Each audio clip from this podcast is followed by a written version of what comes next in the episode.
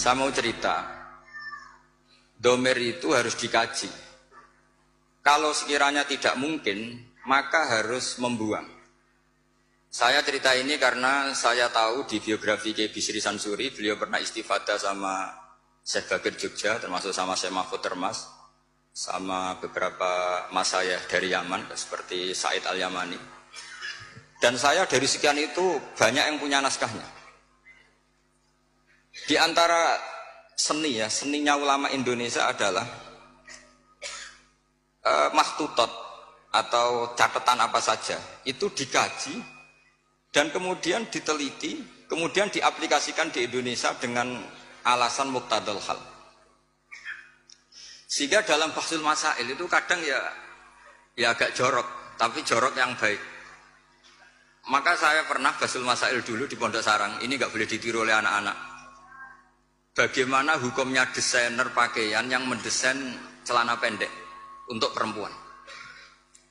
itu semua mengatakan haram karena gara-gara desain itu perempuan kemudian tidak pakai maxi, tidak pakai celana karena memang desainnya untuk langsung dipakai tanpa pakai e, maxi atau pakai celana. Ada yang bilang tidak haram. Bagaimanapun celana pendek itu berkontribusi ikut menutup aurat. Artinya dia tetap menyumbangkan nutup aurat. Hanya tidak usah sampean bayangkan, wah kalau haram ya dilepas ya jangan gitu. itu kan masalah. Jadi fikih itu kadang ya agak-agak kacau. Kita mau bilang haram nyatanya memberi kontribusi ikut nutup aurat, mau bilang halal dengan desain seperti itu perempuan masih menampakkan apa? Aurat. Jadi debat fikih itu kadang ya tidak mutu. Tapi dari tidak mutu itu ya kemudian tetap melahirkan kecerdasan dan itu Termasuk yang dibicarakan Syekh Mahfud, namanya Tashidun Nazar. Orang menjadi cerdas. Saya pernah baca di Nailul Makmul, ini sekaligus senam otak untuk anak-anak denanyar. Ini bukan ngetes kiai, tapi ngetes anak-anak. Nanti kalau apa ini disalahkan Kiai Miftah atau Yai Anwar ya saya langsung taslim karena saya pasti samina atau naik. Tapi kayaknya enggak. Karena saya baca, saya ini ngerpek di Syekh. Kalau sama nyalakan saya, nyalakan Syekh Mahfud. Syekh Mahfud itu gurunya Kiai Bisri Sansuri. Ada ada fardul masalah begini. Saya ulang lagi, ada fardul masalah begini. Ada orang jatuh dari atas. Ini kata Syekh Mahfud. Kemudian menimpa ini hadirin ini kan banyak, nggak bisa dipiak ini. Tertimpa orang. Pertanyaannya adalah orang yang jatuh itu harus pindah apa tetap di situ? Kalau dia pindah menimpa orang lain, kalau tetap di situ membahayakan orang yang ditimpa. Pilihannya pindah apa tetap di situ? Ada yang menjawab harus pindah. Karena yang ditimpa sudah lama ini bahaya, lama-lama bisa mati, apalagi kalau yang jatuh bendut. Terus ada yang bilang nggak usah pindah, karena jatuh itu tanpa ikhtiar, sehingga dia jatuh tidak dosa. Kalau dia pindah, artinya ikhtiarnya sendiri, maka harus nggak usah pindah. Tapi terus ada pertanyaan lagi, Kecuali yang dijatuhi itu Nabi sekelilingnya ada Nabi itu harus pindah. Karena kalah kelas. Tapi dibantah lagi. Nggak mungkin ada Nabi lagi karena Nabi Muhammad sudah Nabi akhir zaman. Kayaknya akan kalah. Ternyata ini nggak mau kalah. Enggak, masih ada Nabi Isa. Gitu.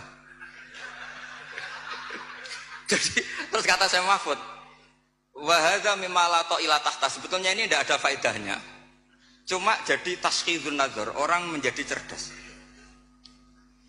Nah kemudian turunan dari ilmu itu adalah misalnya nyun sewu politik itu kotor misalnya, tapi punya otoritas. Kalau melihat kotor itu kiai atau cucu kiai gak boleh ikut politik. Tapi kalau melihat punya otoritas, kalau itu kepegang orang fasik atau orang yang sama sekali nggak punya peduli halal haram itu lebih bahaya. Kamu milih melihat kotornya apa melihat berbut otoritasnya?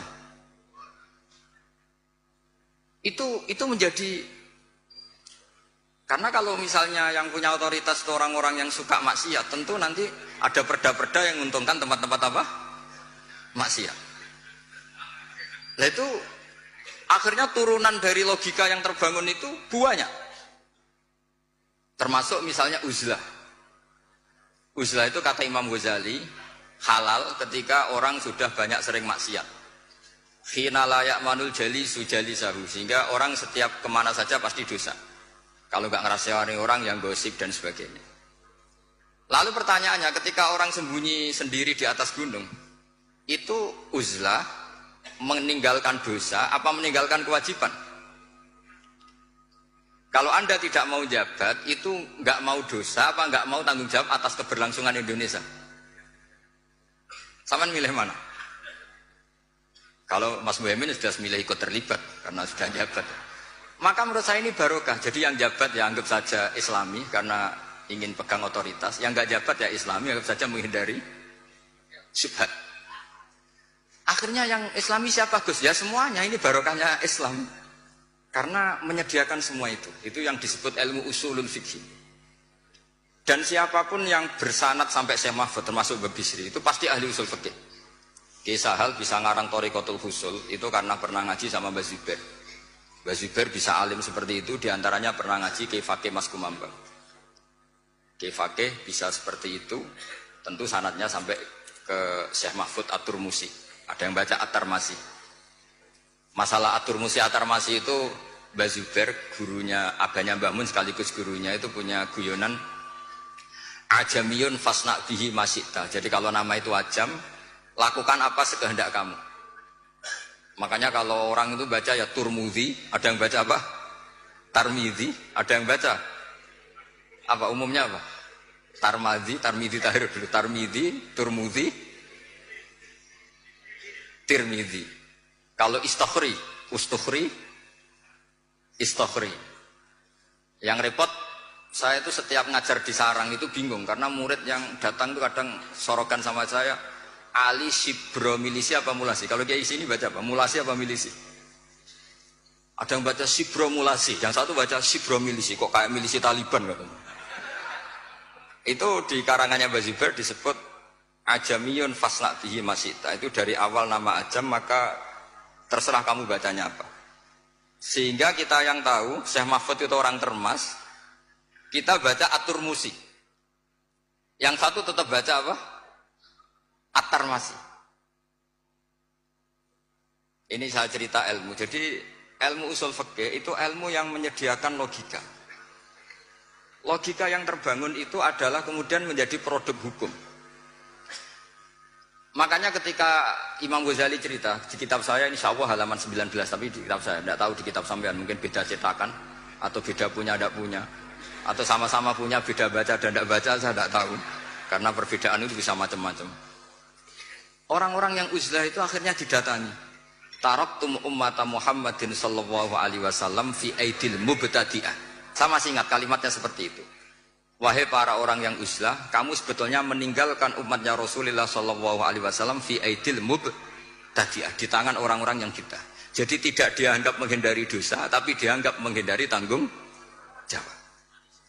Sehingga saya, saya ini punya bapak namanya Kiai Nur Salim, beliau ngaji sama Mbak Dolah dulu khatamnya Quran. Mbak Dolah adalah bin Abdus Salam. Abdus Salam ini juga yang termasuk gurunya Ki Bisri Sansuri. Jadi saya dibolak-balik sanatnya juga akan ketemu sama sanat yang dipakai Kiai Bisri Sansuri. Sampai juga nanti ketemu di Nabi Adam lah kalau nggak ketemu semua ya di Nabi Adam. Pasti nanti ketemu juga. Sanat-sanat keilmuan.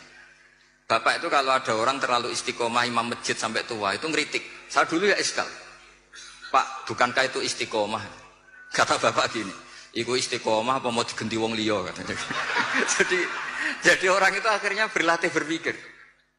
Tapi kalau ada santri sopan gitu gak mau ngimami, gak mau jadi pengurus masjid, itu tawaduk karena masih ada yang sepuh. Ikut tawaduk apa tanggung jawab. Sehingga semenjak itu saya terus berpikir terus begini. Makanya saya seperti saya di sini itu sopan apa tidak sopan saya tidak tahu. Kalau melihat saya di atas sampai di bawah saya ini tidak sopan. Samaan kan lebih sepuh. Tapi melihat ini diperintah. Itu orang paling sopan saya sekarang. Karena saya itu paling kecewa sebenarnya diatur-atur. Saya masyur mengatakan kiai diatur itu dosa, tapi kali ini saya diatur. Tapi saya samina watona, saking sopan saya. Jadi kalau melihat itu Gus Bah itu sopan enggak? Ya enggak sopan, wong banyak yang sepuh di bawah kok di atas. Ya sopan wong nurut. Diatur sama Gus Salam yang nurut. Padahal sepuh saya Gus Salam. Jadi maka mau tidak mau harus ada madhab yaitu akhirnya bahasa memutuskan yang kita pakai adalah al-madhahibul arba. Nah ketika ada madhab, itu sudut pandangnya itu pasti beda-beda. Memang saya sengaja saya akan ngomong fikih malam ini. Misalnya begini, kalau ada ayam jago ditabrak truk, kejet-kejet, itu umumnya orang disembelih apa enggak? Padahal dibiarkan pun pasti mati. Umumnya disembelih apa enggak?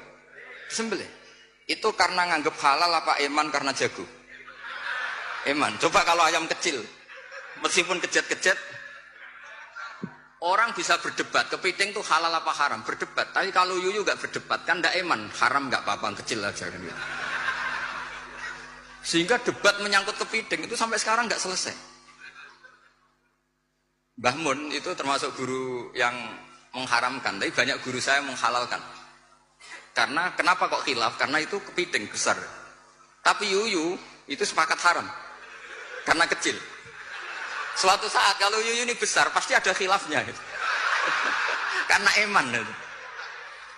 Nah, saya tuh pernah pernah ditanya sama orang pas ada jagonya kelindes truk itu di kampung saya.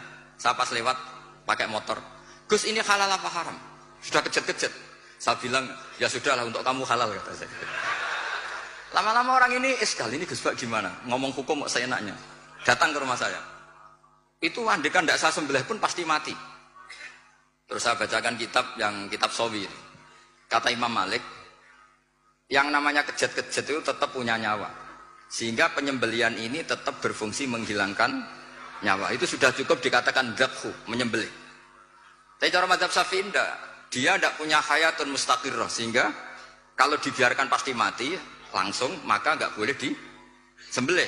Karena dia tidak langsung mati ini hanya proses prosedur saja. Memang pantasnya mati kejat-kejat sih gitu saja kira-kira. Tapi hakikatnya sudah apa? Mati. Sehingga ulama itu selalu berdebat. Dan perdebatan ulama itu setelah diangen-angen memang sama-sama masuk akal. Saya punya sekian cerita ya tentang perdebatan termasuk kitab yang tadi disebut Lekoyum itu kitab Filiatul Aulia. Karena kenapa saya sering baca kitab itu? Memang syaratnya jadi wali itu harus pernah baca kitab Kiliatul Aulia. Jadi kalau zaman belum pernah baca berarti nggak mungkin jadi wali. Sudah tak jamin itu nggak mungkin. Imam Ghazali sealim itu itu termasuk barokahnya kitab Kiliatul Aulia. Masyur itu. Fit tasawuf beliau ngiduk kitab Kutil Kulub. Fil fikhi beliau ngiduk kitab Nihayatul Matlab Fidiriyatil Madzhab. Karangannya Imam Haromen. Tapi kalau fi mana kibil akhyar beliau ngiduk kitab Khilyatul Aulia wa Tabaqatul Aswa itu terang-terangan beliau menghentikan di juz 4 wa alaika bimutolaati kita bi Khilyatil Aulia. Karena beliau memang pengagum kitab Khilyatul Aulia di bab Manaqibul Akhyar. Itu di bab Manaqibul Akhyar itu ada sekian perdebatan dan perdebatan itu melahirkan satu kecerdasan. Yaitu tadi saya berkali-kali cerita, ada sekian contoh yang orang itu akan ngeper setelah ada logika kebalikannya. Saya, saya beri sekian contoh. Ketika malaikat Israel datang ke Nabi Ibrahim mau mencabut nyawanya, itu Ibrahim marah-marah, Israel kamu salah. Kenapa ya? Saya ini kekasih Allah, anak Khalilur Rahman, saya ini kekasih Allah. Wahal ro'aita khalilan yumitu khalilah. Masa kekasih membunuh yang dikasih ini tidak benar. Logika ini tidak benar. Karena Israel gak biasa basul masail. Gak pernah ikut basul masail di BW Jawa Timur yang Bapak Marzuki itu. Datang ke Allah. Ya Allah, logika ini kata Nabi Ibrahim gak benar. Karena wahal ro'aita khalilan yumitu khalilah. Terus sama Allah diajarin. Ya sudah bilang ke Ibrahim gini. Wahal ro'aita khalilan yakrohu ayal khalilah Masa orang yang dicintai kemudian tidak siap ketemu yang dicintai. Datang lagi Israel. Wahal ro'aita khalilan yakrohu ayyal khalilah. Oh iya ya, nggak apa-apa mati nggak apa-apa kata. Jadi dibalik langsung rubah. Dulu pernah ada jagongan ulama mau menganggap cengkeh itu pewangi. Alasannya kue-kue tar dikasih cengkeh. Maka cengkeh kategorinya pewangi. Artinya apa efek hukumnya? Kalau orang ikhram rokok berarti wajib bayar dam karena pakai pewangi, yaitu cengkeh. Karena roti tar dikasih cengkeh, terus beberapa wedang cengdem juga dikasih apa? Kemudian ada ulama yang ngendikan, kalau gitu orang Jumatan kesunatan rokok. Karena orang Jumatan disunatkan pakai wewangian. Langsung keber, wah tidak jadi, tidak jadi. jadi itu usul fikih. Sehingga, eh katanya fikih nakal, tidak apa-apa ini.